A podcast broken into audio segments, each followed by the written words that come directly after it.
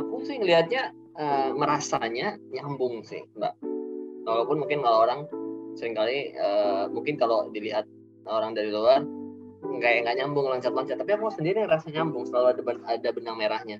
Jadi dari total berapa ya? Hampir 13 tahun berarti ya lulus kuliah. Itu yang aku nggak nikmatin hanya pekerjaan pertama. Yang mana itu adalah yang memang sesuai keilmuanku okay. jadi sebagai seorang lulusan uh, environmental engineering gitu ya teknik lingkungan aku kan sempat kerja di tambang oh, iya, ngurusin iya, limbahnya memang gitu ya. Sebelum akhirnya uh, Indonesia mengajar. Yang nggak aku nikmati cuman itu setahun di sana itu. Nggak nikmatin as in uh, uh, bukan nggak menikmatin sorry uh, nggak merasa ada yang terfulfill. Uh, ya sebagai baru lulus tentu menikmati pengalaman nih oh gini kerja di tambang. Tapi di setahun uh, buktinya gitu uh, gampang sekali goyah dengan uh, Indonesia mengajar wah ini nih kayaknya nih gitu kan. Uh, seru nih gitu.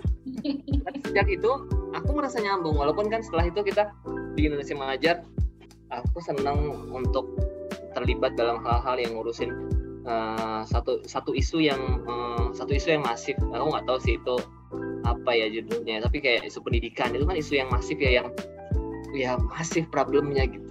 Satu terus begitu ke habis itu uh, pindah ke startup ke marketplace juga ngurusin satu hal yang uh, apa bersentuhan dengan isu yang cukup masif gitu. Uh, misalnya ekonomi ya ekonomi warung gitu kan itu satu yang hal yang uh, problemnya tuh seru untuk dilihat karena uh, puluhan tahun itu gitu-gitu aja terus sekarang kita bisa ngapain ya gitu. Nah sampai sekarang aku Telkom pun ngerasa uh, memang uh, apa seru karena menghandle juga satu yang uh, problem yang besar terus apalagi sekarang dengan harusnya dengan aset atau dengan power yang harusnya cukup besar. Nah, tapi gimana caranya men-channel ini menjadi impact yang besar gitu. Jadi uh, secara keilmuan atau secara jenjang karir beda ya mungkin kalau ngelihat oh orang bank gitu awalnya analis terus tapi kan biasanya industri keuangan terus. Aku mungkin industrinya berbeda-beda tapi aku merasa ada benang merahnya. Jadi kalau itu didefinisikan sebagai karir maka aku rasa eh, karirnya uh, nyambung terus gitu. Karena walaupun lintas uh, industri gitu. Oke. Okay. oke okay, kalau kalau aku tangkap dari ceritamu kan berarti uh, ini benar apa enggak ya? Mesti aku me mendengar atau mengamati yang kamu cari adalah sesuatu yang masif atau sesuatu yang impactful gitu ya sebenarnya dari dari dulu dan dari situ kamu lihat ada benang merahnya dari apa kerjaan-kerjaan yang kamu jalani gitu gitu ya ya? Ya kurang lebih gitu sih. Mm-hmm. kalau uh, itu impactful atau uh, serunya itu juga karena pertama gitu. Itu ada ada apa ada motivasi soal itu juga nggak sih? Maksudnya kalau Indonesia mengajar kan kalian kebetulan pertama gitu ya uh, lalu aku nggak tahu waktu kamu terjun di startup itu apakah juga yang termasuk apa gerbong yang pertama atau atau itu ada ininya juga nggak sih ada godaan buat menarik sih sebenarnya pertanyaannya. Tapi kalau aku refleksikan ya, memang misalnya Indonesia Mengajar pertama ya sebagai angkatan bukan sebagai angkatan pertamanya, tapi sebagai movement kayaknya ya gelombang awal lah itu mbak ya. Gelombang awal kan Indonesia Mengajar. Di Bukalapak uh, aku juga nyiptain aku juga nyiptain sesuatu yang pertama sih dulu kan uh, ngotak-ngatik warung tuh pertama terus baru ber, bermunculan. Nah tapi yang sekarang nggak yang pertama sih. Kupikir lebih ke ini masalahnya gini-gini aja dari dulu uh, uh, masa nggak ada yang bisa di uh, ada approach baru yang bisa dilakukan ah, bisa jadi tapi iya sih artinya emang ada approach baru tapi atas masalah yang sama gini, sama gitu, ya. gitu aja gitu. Uh, hal-hal kayak gitu sih mungkin uh, yang menarik. Seperti yang pertamanya mungkin pertamanya bukan sebagai motivasi oh karena pertama nih tapi pertamanya itu menjadi justru menjadi approach-nya. Karena masalahnya udah exist berdekade-dekade masa mau di approach dengan cara yang gitu-gitu aja. Nah akhirnya kan muncul ide-ide baru. Nah itu sih yang akhirnya jadi mungkin ada hal-hal yang pertama tapi bukan motivasinya bukan untuk yang pertamanya sih sebenarnya. Gitu ya ide-ide baru. Nah kalau Agus gimana? Kalau lebih mendalami gitu ya soal tadi walaupun nggak apa namanya perjalanannya nggak nggak apa namanya linear gitu ya ke itu ada ininya nggak? Masih mungkin bisa diceritakan. Apa sih yang mendorongmu untuk bergerak dari satu titik ke titik lain gitu, di pekerjaan atau di karir? nggak punya rencana terhadap karir nggak uh, tapi kalau bisa dibilang uh, apa namanya ya semua pekerjaan aku lulus kuliah 2008 ya? Jadi dari 2008 sampai sekarang berapa? Ya tadi Dika udah bilang ya 13 tahun itu uh, sel, polanya itu adalah selalu senang mengerjakan sesuatu yang bahkan aku nggak tahu aku belum tahu sama sekali itu apa. Uh, itu kayak selalu kayak ibaratnya aku itu kayak dijorokin ke sebuah ruangan di mana aku tuh sama sekali nggak tahu ruangan itu apa contoh di Indonesia mengajar lah. Indonesia mengajar itu uh, waktu itu kan berarti aku udah dua tahun setahunan setelah lulus ya. Uh, kan belum punya gambaran sama sekali Indonesia mengajar itu kayak gimana. Karena angkatan kami kan angkatan aku sama Dika angkatan yang pertama. Terus flashback lagi mundur ke belakang. Aku ingat betul sebelum sebelum di Indonesia mengajar aku kerja di kampus. Dan salah satu proyek yang aku kerjain di kampus adalah uh, apa itu namanya? Akreditasi akreditasi jurusan dan itu ada jurusan baru. Nah aku harus ngerjain dari nol banget untuk membuat itu gitu. Nah setelah dari Indonesia mengajar pun betul-betul hal yang uh, kayak tadi kayak masuk ke ruangan terus kayak masuk ke ruangan ruang apa mata ketutup terus pintunya ditutup dari luar terus tutup matanya dibuka. Nah ini ada A B C D A B C D ini diapain ya gitu nah aku balik lagi ke belakang dulu zaman kecil cita-cita aku jadi guru mbak.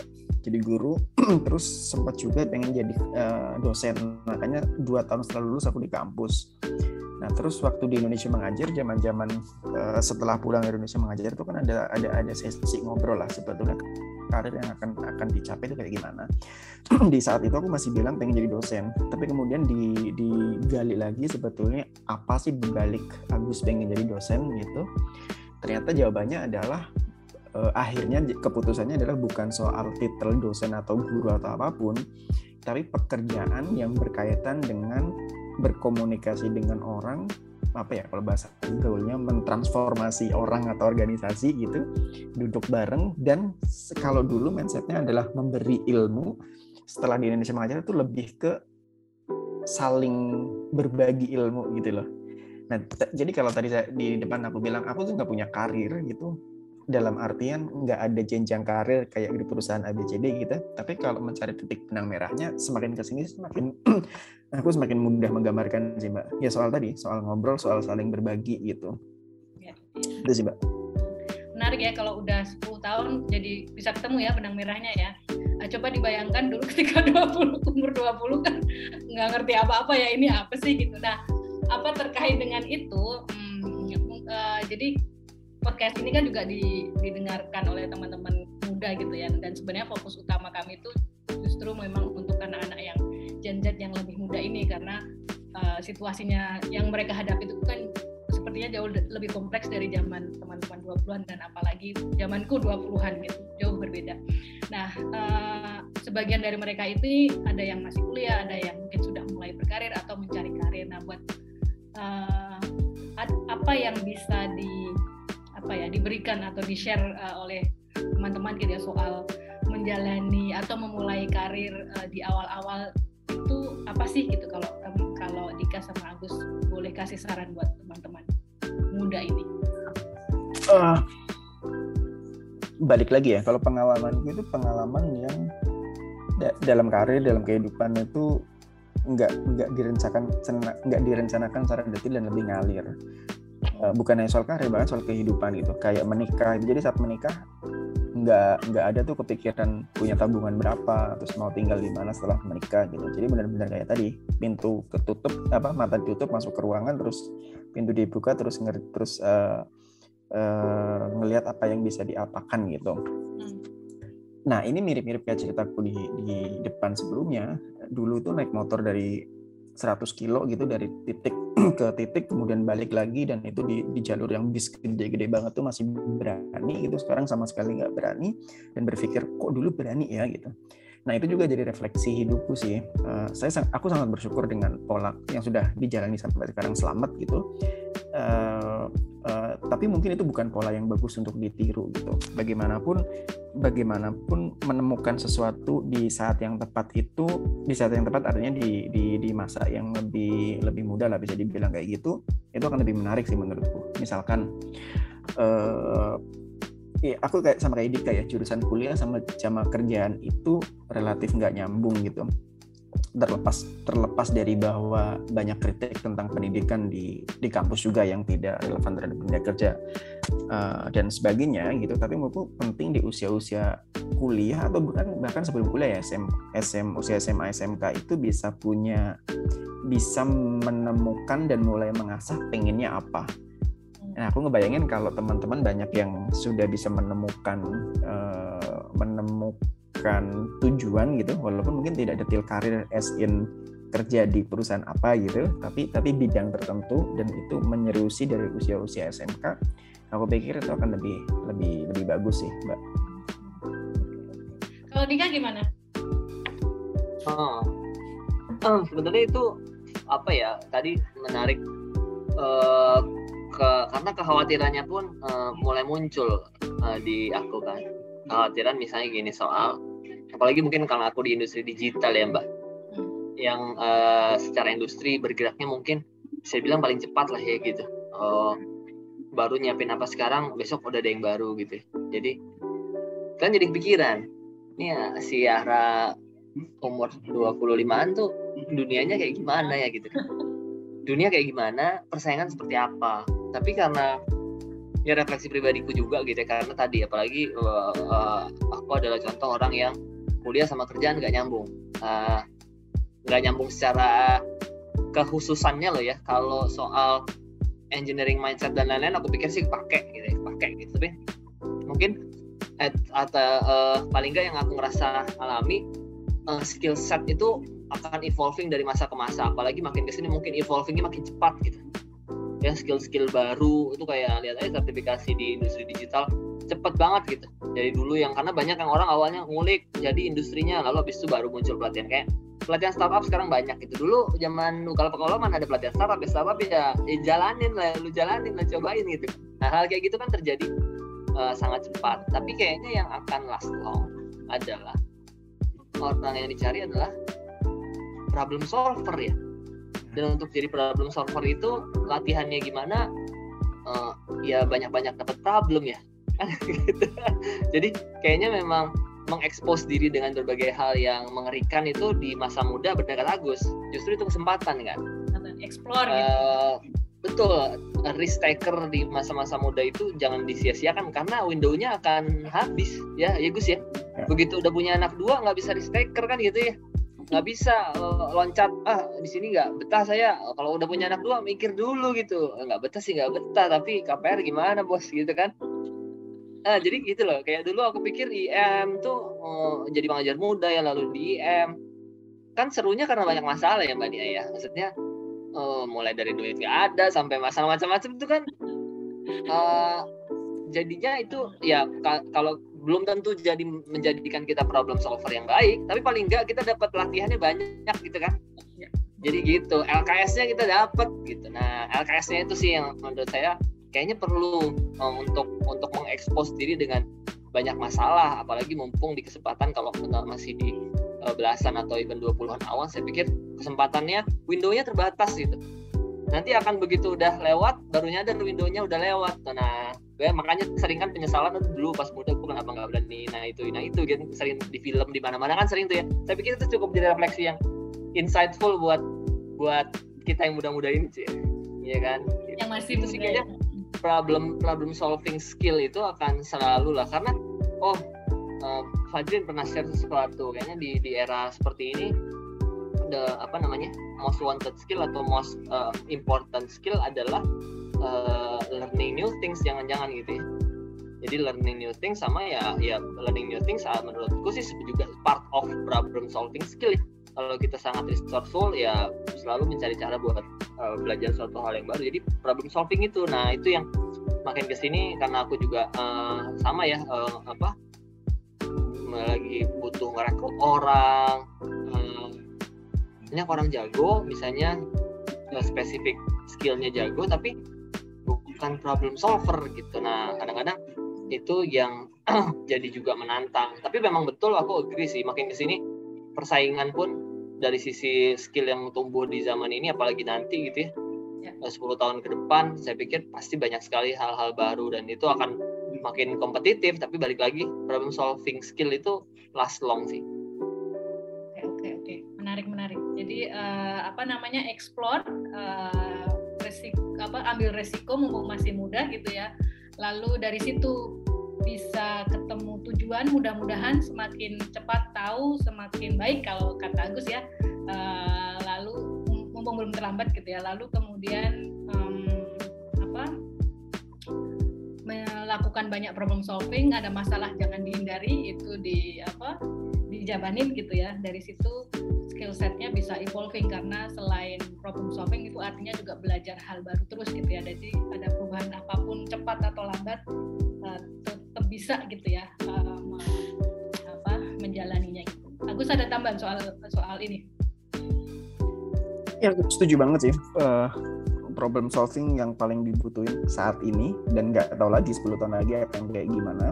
Tapi mindsetnya berarti kan jangan jangan adik an, adik-adik kami apalagi anak-anak kita generasi anak kita itu uh, mindsetnya pola belajarnya dan tujuan belajarnya sama kayak sekarang kan udah pasti pasti beda gitu jadi alih-alih kita nyiapin makanannya makanan seperti apa yang harus dimasak oleh generasi adik kita atau anak kita ya lebih baik kita nyiapin pisau dan tanahnya agar mereka bisa memasak sesuai yang dibutuhin di masanya nanti. Iya ya, ya walaupun ini ya kalau aku belajar dari anakku gitu ya, jadi belajar problem problem solving itu justru sangat menantang buat anak-anak sekarang gitu ya, karena semua kan tersedia gitu ya, uh, semua ada jawabannya gitu. Kalau dulu kan ya kayak di cerita tadi apa di Bukalapak kan ya di di diulik dulu gitu ya untuk tahu itu. Nah sekarang tuh kayak semua tuh sudah ada ininya lah, rumusnya tuh tersedia semua. Jadi uh, di satu sisi dibutuhkan banget tapi di sisi lain lapangan buat mereka itu tuh juga makin lama makin sedikit juga gitu. Itu itu nggak tahu itu mungkin sangat kompleks terkait pendidikan di rumah pendidikan di apa sekolah dan seterusnya dan seterusnya. Tapi mungkin itu kita bisa bicara di tempat lain karena uh, sangat kompleks. Nah uh, satu sisi dari uh, sisi lain dari pekerjaan adalah keluarga. Uh, tadi sudah sempat disebutkan sih. Nah sebenarnya kalau teman-teman itu sudah berkeluarga berapa lama Agus berapa lama? 10. Oh, 10. 10 lama juga ya. Nah. 9. Oh, 9. Oh, mirip-mirip kalian. Anaknya juga sama-sama dua ya? Iya. Oke. Nah, lalu uh, apa hal apa sih yang paling tidak terbayangkan sebelumnya gitu ya ketika sudah jadi suami atau jadi ayah atau bapak gitu? Ya? Yang nggak kebayangkan sebelumnya gitu. Keluarga. Ini, ini, Mbak uh, rasa mencintai istri adalah rasa yang bahkan tidak bisa dibayangkan sebelum menikah. Dan rasa ini di sebelah di sebelahnya Agus dan ya, rasa dan dan rasa mencintai anak dan anak maksudnya anaknya dua gitu adalah rasa yang bahkan tidak bisa dibayangkan sebelum uh, punya anak dan sekarang punya anak kedua pun rasa itu ada tanpa mengurangi rasa yang sebelumnya gitu rasa ke istri dan rasa ke anak pertama. Uh, itu sih. Selebihnya terjadi banyak keajaiban keajaiban yang menghampiri berkat adanya mereka. Oke, okay, ini yang baru, ini yang baru gitu ya dialami yang kebetulan karena karena Agus mulai menikahnya 20-an, jadi itu juga dialaminya sejak 20-an bukan 30-an gitu ya. Yeah. Ya. Uh, oh ternyata ada rasa yang berbeda gitu. Kalau Dika gimana? Nah, kalau aku mengantisipasi ada rasa yang akan baru ditemui saat menikah dan punya anak artinya walaupun dulu nggak kebayang tapi tahu pasti akan ada rasa yang baru lah gitu ya eh, bentuk cinta sama anak ya dulu nggak kebayang tapi tahu bahwa pasti pasti lain gitu ya uh, kalau sama istri iya ya yang nggak yang sama kata Agus? Uh, evolving ya. Ya tentu bukan geli-geli perut kayak zaman kuliah ya. Uh, pacaran geli-geli perut tuh gimana sih? Uh, oh, butterfly gitu. gitu ya. Tapi ya memang sudah uh, lebih maknai uh, life partner gitu ya. Uh, team up. Uh, ya karena karena uh, ya rumah tangga itu mungkin kali definisinya ya. Ya terus belajar sih soal itu. Tapi mungkin hal lain apa ya? Uh, itu sih kurang lebih mbak. Cuman ya bedanya mungkin sekarang yang aku sering-sering masih sering lupa adalah karena kalau ketemu uh, teman-teman umur 21 22 gitu ya. terus mungkin nongkrong bareng gitu aku tuh masih sering rasa seumur deh. Ya nggak sih Gus? Terus dia sampai kadang-kadang baru sadar tuh gini waktu kita 20-an lihat 30-an enggak usah deh lihat Mbak Nia itu kan kayak oh jauh ya senior gitu. Pak Hikmat senior. Oh iya lah mereka kan berarti ngelihat gua gitu ya? Tapi kok aku rasanya seumur gitu? Apa Mbak Nia jangan-jangan juga gitu ya, dulu ya? iya iya iya iya iya. Iya iya memang. Jadi memang ya. apa di dalam karena kan nggak tahu ya aku juga merasakan sih kok kayaknya aku 40-an gitu tapi ketemu yang tiga bulan bahkan yang dua bulan juga sama aja. Perasaan gue sama mudanya jadi apa itu sebenarnya menjadi tua gitu? Aku nggak tahu juga. Gimana gitu beda ya tapi sangat berbeda saat kita yang muda ya kan? Ngelihat uh tiga berjarak 10 tahun tuh wah ini om om iya, gitu iya, iya. ketika nah, kita di bawah iya gitu ternyata begitu kita di atas tuh wah rasanya sama terus iya iya numbers umur ini apa ya gitu ya. Betul betul betul. Menarik. Nah kalau kalau apa namanya kalau beda berkeluarga ketika mulai jadi di dua bulan dengan tiga bulan ada nggak? Buat kalian yang yang kalian rasa ada bedanya?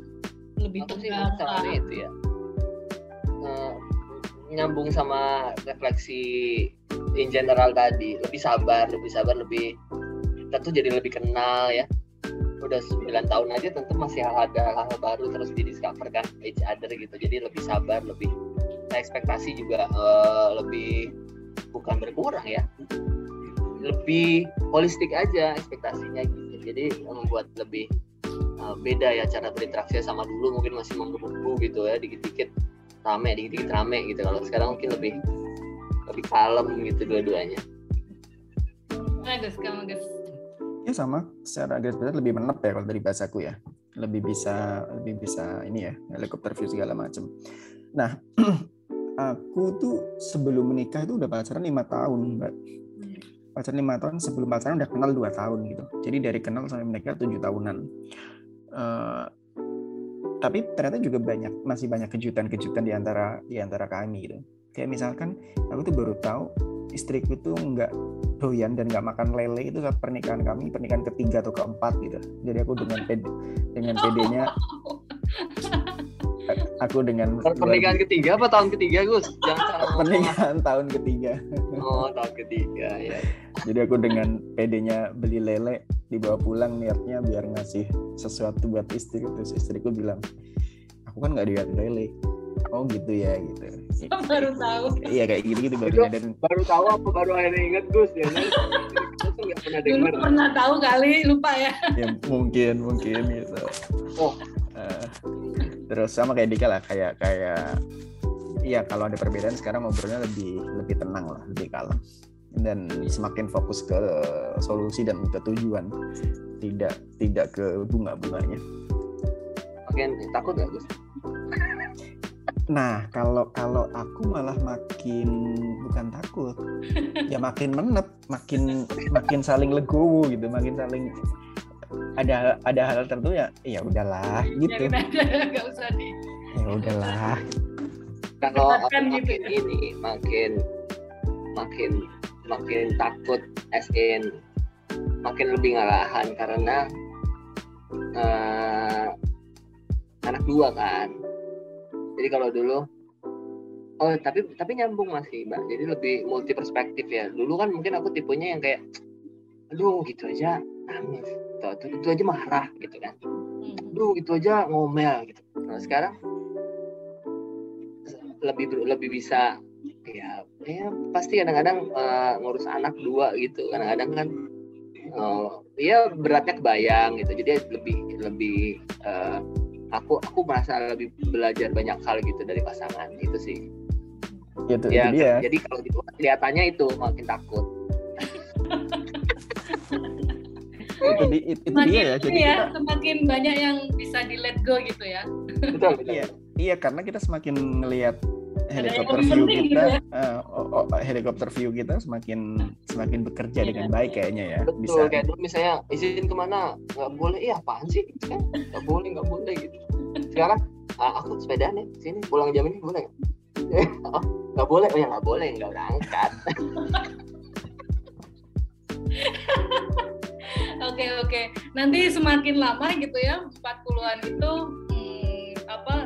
istri itu apa pasangan itu ya udah kayak teman aja sebenarnya lama-lama.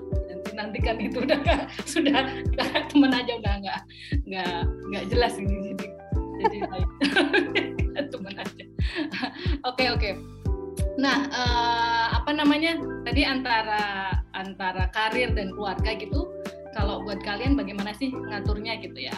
uh, so itu gimana membalance-nya apa sih apa namanya ya kan teman-teman kerja keluarga gitu ya apa namanya atau untuk diri sendiri aku juga nggak tahu apa namanya bagaimana kalian membalance itu. Gimana sih yang diprioritaskan apa sih oke ini unik nih kalau kalau aku unik. Pertama aku adalah tulang punggung keluarga. Jadi yang yang yang income in setelah anak setelah ada anak income itu dari aku karena uh, istri fokus sama keluarga. Di titik ini berarti bahasa lainnya adalah karir menjadi penting banget buatku kan? Tapi di sisi lain uh, keluarga juga penting banget. Definisi keluarga penting banget kayak kayak gimana? Kayak gini nih. Jadi aku, untuk pertama kalinya aku bekerja di satu tempat selama lima tahun. Di tempat ini tuh lima tahun aku nggak pindah gitu. Karena apa? Karena banyak kenyamanan yang aku dapetin gitu uh, misalnya ya jarak antara rumah ke kantor itu sangat dekat. Jadi uh, uh, nggak kenal lagi tuh yang namanya macet-macetan di jalan gitu. Ya tentu sesekali seminggu sekali dua kali meeting ke Jakarta maksudnya ke pusat gitu kena macet ya itu gitu gitu. Jadi itu kayak aku sangat sulit menjawab karir atau keluarga gitu karena uh, dan dan pekerjaan itu kan bukan pekerjaan 9 to 5 ya Mbak Nia ya. Maksudnya bukan orang yang datang terus duduk uh, absen jam 9 terus nanti baru pulang jam 5 gitu. Uh, aku aku suka banget dengan kalimatnya Panji nih Panji Pragiwaksono. Uh, aku lupa istilah pastinya gitu tapi uh, bekerja dan bekerja dan kehidupan personal itu kayak trampolin. Jadi dan itu di trampolin yang sama gitu. Jadi seninya adalah soal balancing gitu. Ya bahasa kerennya ini ya work life uh, bukan work life balance tapi work life integration kalau nggak salah ya. Jadi gimana mengintegrasikan antara kerja sama sama keluarga. Tapi keluarga kalau harus diperes uh, buatku ya keluarga nomor satu sih. Sekarang investasiku ya investasi ke keluarga besarin anak-anak selain bayar cicilan KPR ya tentu saja. Uh, dan semuanya memang fokus gue di mereka. Oke oke. Kalau Dika gimana membalance uh, sulit nih pertanyaannya karena balance-nya tuh uh, karena nggak terpisah-terpisah amat gitu ya sebetulnya. Aku sama kayak Agus gitu. Uh, single income-nya dari aku toh gitu kan. Jadi uh, pekerjaan sebagai sumber penghasilan penting. Uh, dan aku sih selalu berusaha melibatkan ya makin ke sini ini juga ah ini juga sesuatu yang evolving sih. Kalau dulu mungkin aku nggak melibatkan nih. Pusinganku tuh nggak bawa ke rumah mungkin lebih karena ya memang pusingan yang menyenangkan buatku. Kedua uh, ngerasa nggak nyambung. Tapi kan lalu kita belajar ya. Ya kalau nggak diobrolin gimana nyambungnya gitu ya. Gimana nyambungnya? Tapi akhirnya mulai uh, mulai aku belajar buat uh, cerita lah walaupun cerita cerita Eh, konteks-konteks umum gitu ya yang sedang dikerjain apa yang dihadapin apa. Uh, tapi alhamdulillah sih ya suportif ya. Suportif dalam artian mungkin dulu kalau keasikan kerja uh, komplainnya beda sama sekarang gitu. Mungkin karena tahu juga ya harus KPR ya guys ya. Jadi kalau kerja itu yo yo yo semangat yo KPR yo gitu. Nah, balance nya sekarang terbantu mungkin karena pandemi jadi hmm. secara visual terlihat di rumah gitu ya. walaupun ya tetap ya kadang-kadang terkonsumsi waktunya depan laptop lebih lama gitu tapi paling enggak terbantu di situ aku coba balance biasanya dengan uh, secara reguler yang ngajak jalan-jalan gitu uh, itu sih paling uh, kehidupannya ya, ber, berputar-putarnya di seperti itu karena karena tadi emang aku menikmati menikmati pekerjaan. Jadinya memang asik keasikan gitu ya. Kalau dulu dulu kan itu sumber jelas tuh mbak. Hmm. ya kan? Hmm. seru banget kayaknya nih ngerjain kerjaan gitu. Tapi makin di sini kayaknya makin nemuin uh, ritme bersamanya ya sama pasangan sama anak-anak gitu. Tetap dapat komplain tetap dapat komplain. Apa apa nih uh, kalau nggak kerja sepedaan. Loh awet juga nih ya nggak sih ya? Buat buat kami kapan gitu ya? Tetap dapat komplain ya itu tetap jadi inilah terus belajar lah. Dan komplain terberat dari anak ya Dik ya? Iya uh. iya benar-benar. Ya, bahkan sekarang kalau komplain dari pasangan pun nah, tentang anak tuh si ini tuh kemarin bilang jadi gitu oh oke okay, uh, okay, gitu. Uh. Aku, aku tadi nambahin dikit mbak aku tadi senang banget soal kata involving ya dari dari Dika. Dan itu juga yang aku lakuin sih kalau dulu semakin ke sini tuh semakin lebih sering ngobrol soal pekerjaan dalam artian secara garis besarnya ya. Eh, nggak semua hal detail aku juga ceritain ke pasangan gitu. Nah tapi tapi hal yang juga selalu kita bangun dan kita kuatkan adalah soal saling percaya sih. Jadi bahasa kasarnya kira-kira kayak gini mbak. Bahasaku ke pasangan. Pokoknya percaya aja deh apa yang aku lakuin itu itu pasti untuk kalian. Walaupun kelihatannya adalah ketika weekend aku nongkrong sama orang again karena pekerjaanku bukan pekerjaan 9 to 5 uh, eh, di Senin sampai Jumat gitu tapi pekerjaanku adalah memang bangun relasi dan menghasilkan sesuatu dari relasi entah untuk kantor entah untuk hal pribadi yang gak ada urusan sama kantor dan kejadiannya baru akan terjadi di sekian tahun yang akan datang gitu pokoknya lu percaya aja bahwa setiap gua ngelakuin sesuatu even sepedaan gitu misalkan aku kan juga sepedaan di cuma aku sepedanya sepeda lipat di jadi yang 3 kilo 4 kilo gitu. Even sepedaan itu tidak bisa dilepaskan bahwa semuanya itu pasti berkaitan dengan pekerjaan.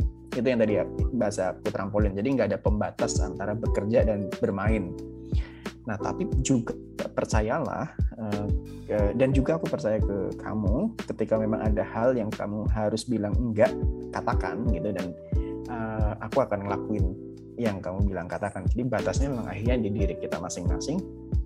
Uh, satu sisi membebaskan masing-masing, di sisi lain juga harus jujur dan berani ketika harus bilang enggak gitu. Dan harus respect satu sama yang lain sih. Gila, Jadi, udah kayak Maria Teguh belum. Banyak banget kuatnya malam ini ya. Edo tadi nyari kuat. Banyak kuat kayaknya. Jangan lupa sertakan foto yang gede untuk dijadiin quote. Oke, okay. apa namanya? Hmm, kayaknya apa uh, keywords yang banyak dibicarakan teman-teman uh, apa soal tadi ya evolving atau tadi aku menangkap soal bagaimana karir dan keluarga dari Dika bilang aku menikmati pekerjaanku tapi kemudian tidak harus juga keluarga tidak dinikmati gitu. Jadi balance itu bukan soal lagi balance tapi apa bagaimana menjalani kedua kedua-duanya dengan sama sama asiknya gitu ya sama-sama menariknya kalau bahasanya. Agus tadi mengintegrasikan gitu ya. Dan mungkin karena teman-teman juga sudah menjalaninya semakin lama gitu ya 10 tahun belasan gitu kayak gitu jadi bisa tersedia gitu ya apa evolving itu kan terkait dengan waktu juga gitu ya uh, justru karena berjalannya semakin lama jadi semakin bisa tahu cara-cara baru atau cara-cara menarik untuk membuat baik apa karir dan keluarganya sama-sama fulfilling gitu kalau istilahnya dikata di awal. Nah ini pertanyaan terakhir sama dengan yang tadi soal karir gitu ya. Apa yang bisa disampaikan teman-teman ke teman-teman muda kita gitu yang Gen Z yang mungkin sudah mulai menjalani masa keluarga atau lagi cari-cari gitu atau akan gitu berkeluarga gitu. Apa ya apa berat banget. Coba diulangi, coba diulangi. Ada pesan-pesan gitu untuk teman-teman muda kita kan uh, 20-an gitu kan sudah uh, banyak yang sudah mulai ingin berkeluarga atau bahkan mungkin sudah menjalani juga gitu ya awal-awal berkeluarga apa sih yang bisa apa disampaikan ke mereka dengan teman-teman yang punya pengalaman puluhan tahun lebih cepat gitu ya dari mereka menjalani. Kalau aku kalau soal berkeluarganya ini juga bagian dari refleksi ya. Uh, dulu mungkin generasi aku sama Agus nih masih kena generasi yang sering didorong-dorong menikah cepat ya Gus ya. Kebetulan uh, kita 25 ya Gus ya. Sama ya? Aku 27. Uh, mid 20 lah. Ya, ya, ya mid 20 lah. Menikah tuh mid 20. Kalau aku sesuai sesuai cita-cita pas kuliah tuh pernah kesebut oh, 25 seru nih nikah karena aku mau bayanginnya aku punya perspektif karena ada om ada om yang aku lihat oh dia pensiun anaknya udah kerja sendiri mandiri gitu ya pensiunnya pensiunnya financially secure karena nggak punya tanggungan lagi gitu kan kalau kita nih kan banyak kan generasi uh, sandwich ya. Aku generasi sandwich gitu atas bawah lah gitu. Tapi nggak bayangin ya kayaknya ini bagian dari plan dulu mikirnya gitu. Dan ya alhamdulillah terjadi aja. Tapi aku pikir kan apalagi sekarang ngelihat uh, dunia saat ini gitu ya uh, preferensi orang benar-benar bisa beda-beda dan nothing is wrong sih.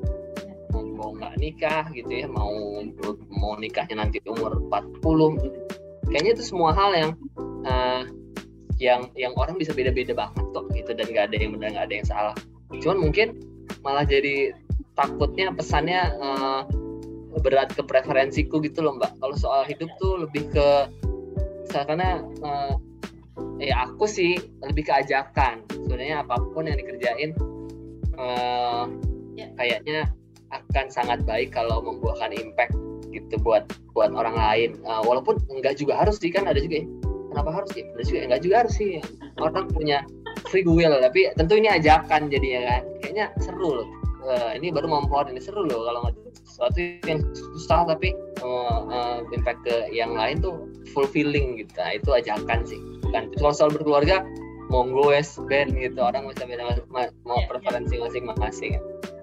Ya ya benar-benar menarik. Kayaknya emang ada perbedaan generasi juga gitu ya. Memang zaman apa ku apalagi apa kalian aja masih apalagi zamanku gitu ya. Orang umur 25-an belum itu kan udah udah ditanya. 30 30 belum nikah kan wah ini perawan tua nih wah iya. nih gitu kan. Sekarang kayaknya orang nggak kenal nah, aja. apalagi mungkin generasi Z nggak akan kenal istilah itu ya gitu. hmm, ya mereka memang lebih terbuka gitu kan lebih bebas mencari opsi-opsi gitu ya. Uh, gimana Gus kalau kamu Gus? Kalau aku ini sih kata kuncinya sadari pilihan yang dipilih sadari pilihan yang diambil. Uh, memilih tidak menikah ya monggo itu pilihanmu.